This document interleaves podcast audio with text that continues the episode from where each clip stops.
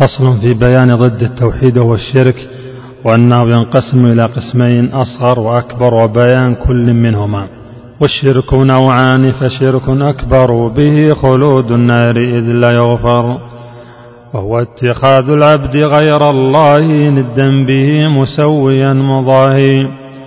يقصده عند نزول الضر لجلب خير أو لدفع الشر.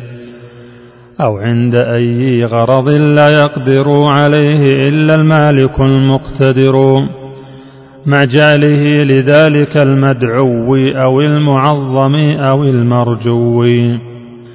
في الغيب سلطانا به يطلع على ضمير من إليه يفزع.